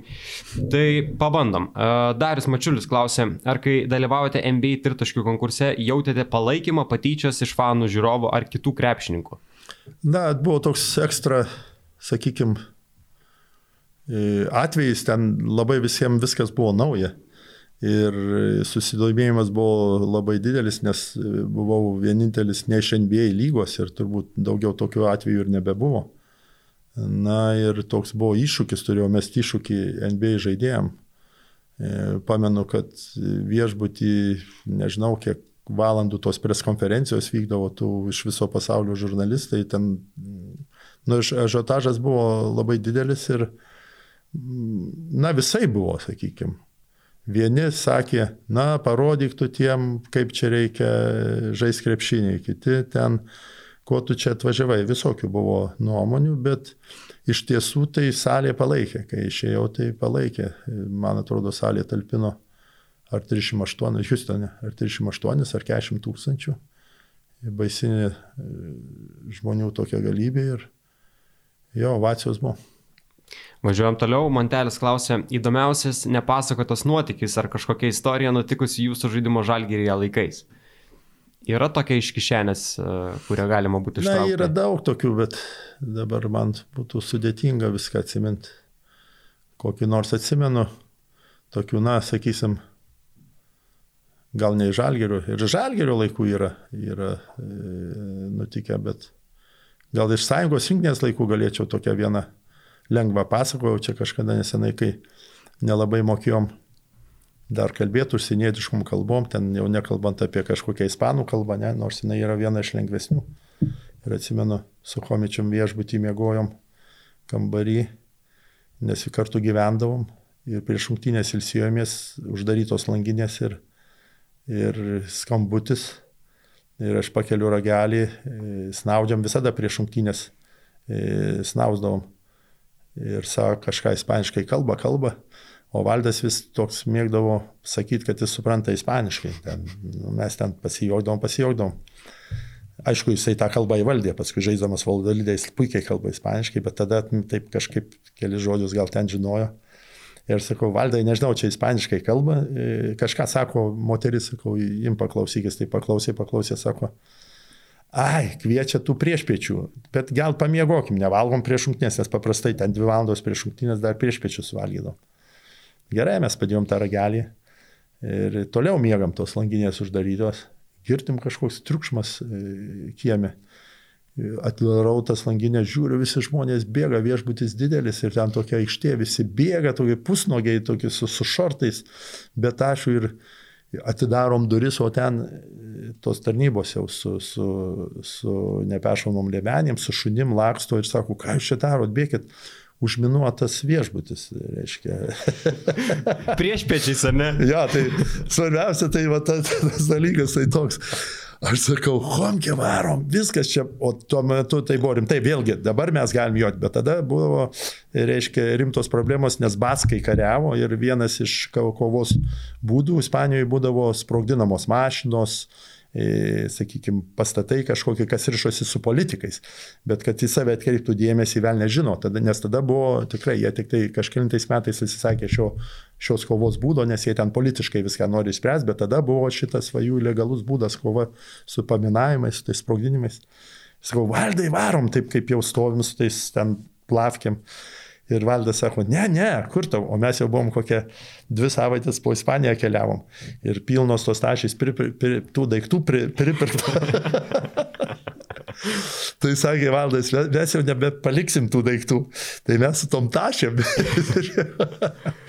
Kompu bėga ten.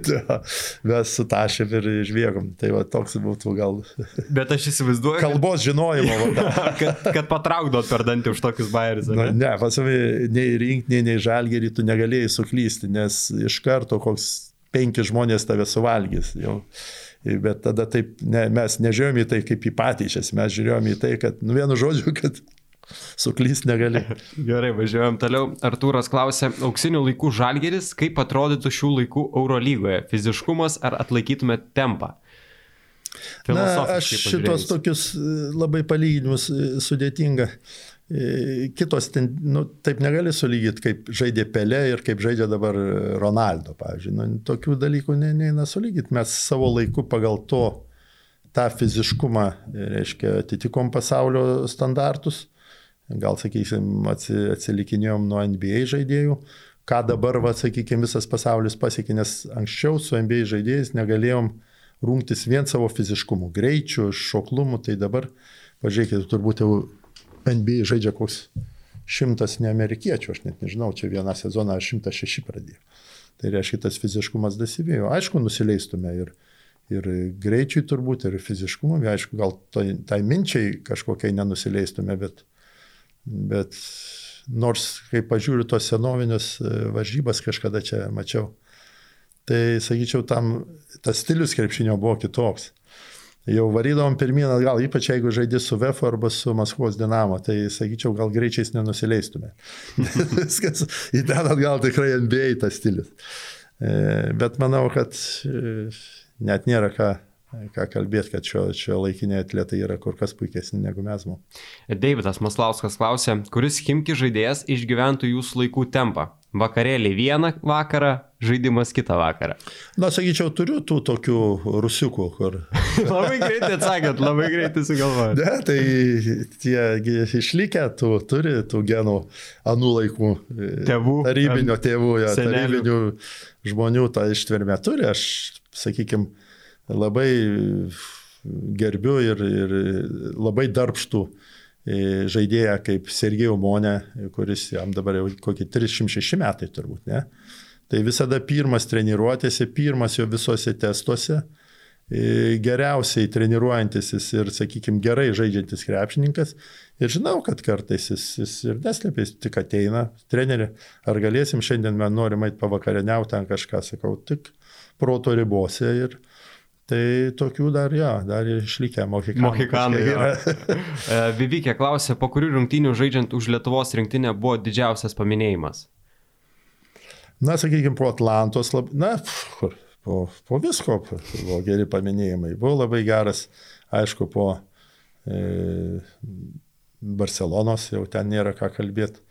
Labai geras buvo po Europos čempionato, kai Graikijoje tapo antri, nes iškovojom teisę žaisti Atlantos olimpiadoje. Na ir aišku, po Atlantos olimpiados buvo labai jau toks e, paminėjimas, nes manyčiau taip, kaip ir su tais parašutininkai, kaip vadinasi turbūt, ne, e, lietuviškai, parašutistai, parašutininkai. Taip, taip, taip. Tai jeigu aš esu vieną kartą iššokęs su, su parašutu, e, tai vieną kartą skaitosi, ne, nesiskaito, nes tu nesuvoki, ką darai.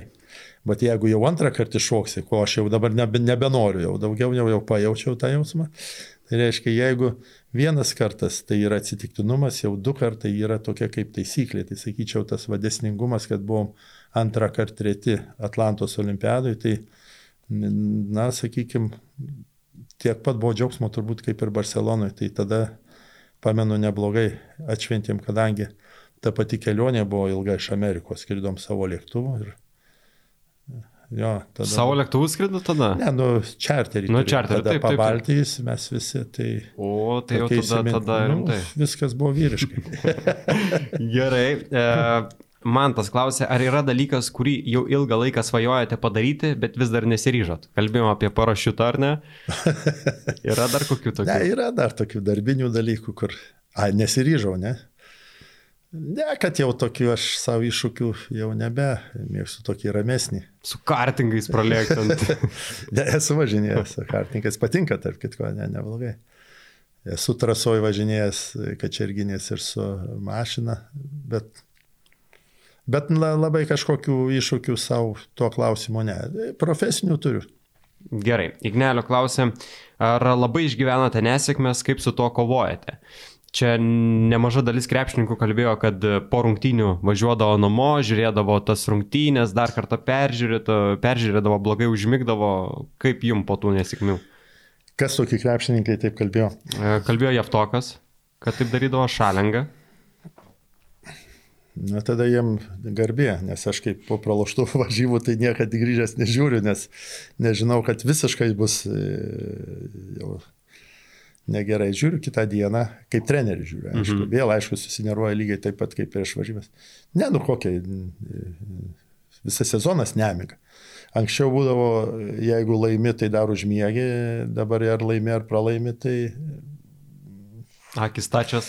Nėra variantų, nes rungtynės po rungtynių ir aš sakau, kodėl dažnai mane klausia, nes turėjau pasiūlymų čia dirbti ir treneriu ir, ir vienoje, ir kitoje šalyje reiškia, nacionalinių rinktinių, bet e, man, aš net neįsivaizduoju, kaip aš tą sugebėčiau, va, pavyzdžiui, daleiskim vasarą, va, būtų visa užimta ir ta, tie patys nervai, vėl ateini į klubą ir vėl ir vėl ne, aš ne, nesugebėčiau.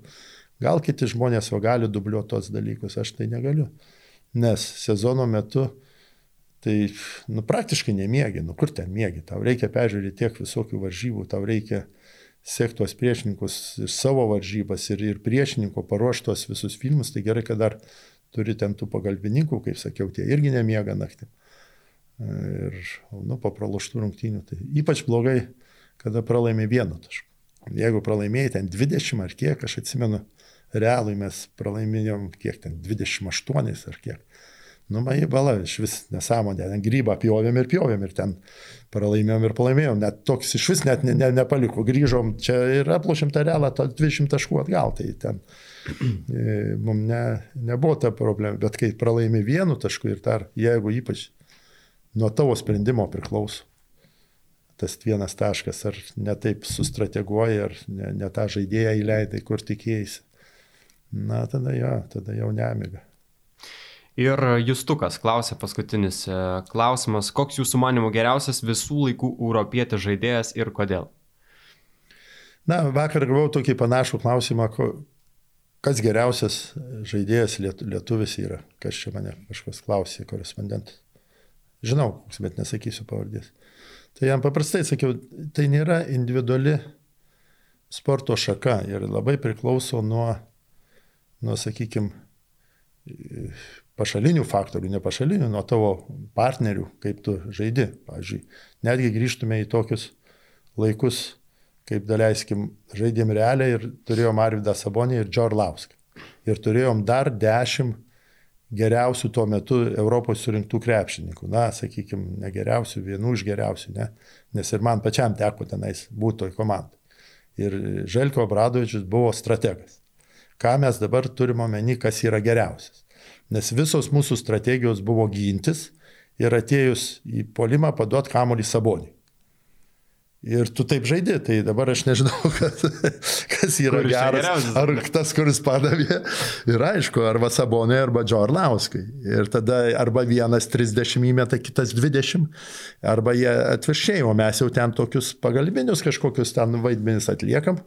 Tai aš nežinau, tas potencialas kiekvieno iš mūsų buvo visai gal kitoks, bet komandai reikėjo tokio rezultato ir per juos mes žaidėm ir su jais be manęs, aišku, laimėjo Eurolygą realas, nes aš tik žaidžiau Ispanijos čempionatą. Aišku, Ispanijos čempionato mes nelaimėjom, bet tokia buvo strategija ir dabar jeigu atimt visus tos laikus, kas yra geriausias Europai, nu, sunku pasakyti. Aš pamenu, labai puikiai pamenu Dražaną Petrovičių. E, na, iki jo netekties jisai žaidė, nu, vieną iš puikiausių krepšinių, kokį teko man. Aš pamenu, net nepamenu, žinau, kaip, kaip žaidė Arvidas Sabonis. Niekas nežino, kaip jis net žaidė lygio operacijos. Nu, niek, negalėčiau atsakyti, niekas nežino. Daugelis nežino. Daugelis tik žino iš laikraščių, kad tai Arvidas Sabonis. Na, daugelis jį tik tai pažįsta iš Portlando, bet aš pažįstu jo visą tą karjerą.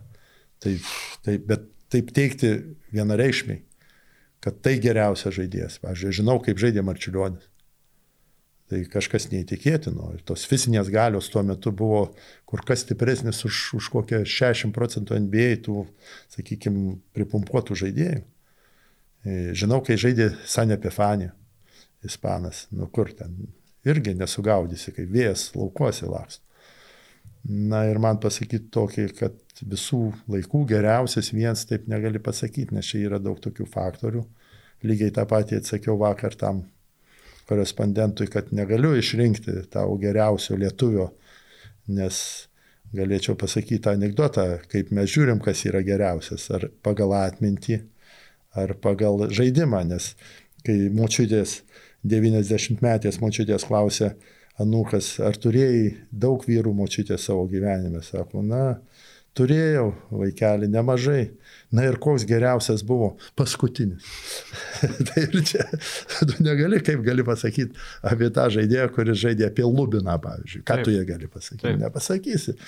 Taip kad man šitą klausimą aš, net aš, toks protingas kaip trys nasredinai negaliu atsakyti. Deja, jūs tai neatsakėm. Uh, tai treneriai išrinkė dabar labiausiai patikusiai. Klausimą reikia atiduoti prizus, pasirašyti ant žalgirį šop komuliko. Kuris įsiminė labiausiai? Norit gal pažiūrėti? Paskaityk. Visus vėl. E, buvo klausimas apie tritaškių konkursą, buvo apie istoriją Žalgiryje. E, gal ta, tas visai neblogas klausimas Tai greičiausia būtų. Ar ne apie Homičiaus tą mokėjimą ispanų kalbos? Taip. Tai Mantelis laimi prizą trenerį. Pasirašykit ant e, kamoliuko. O prizus įsteigė Žalgiri Shop, mūsų laidos partneriai, kurie kviečia puoštis vasarai kartu. Apsirūpinkit marškinėlis tiek mažiems, tiek dideliems. Ir viską galite įsigyti ne tik fizinėse parduotuvėse, bet ir internetu žalgirishop.lt. Na, o taip pat sekite mus ir socialiniuose tinkluose žalgirishop, vadinamės mes ten. Sekite ir Žalgeris YouTube kanalą, paspauskite varpelį ir tuomet gausite pranešimus pirmieji. Tai Treneri, ačiū labai Prašau. Jums už pokalbį. Porą, manau, kokį valandų mes čia pakalbėjom, patarškėjom. Buvo labai smagu prisiminti. Jeigu dar vėlaus pastatytumėte, tai lygiai vakar. Eisim po, eisim po, eisim po, eisim po. Ačiū labai, treneri. Prašau. Viso.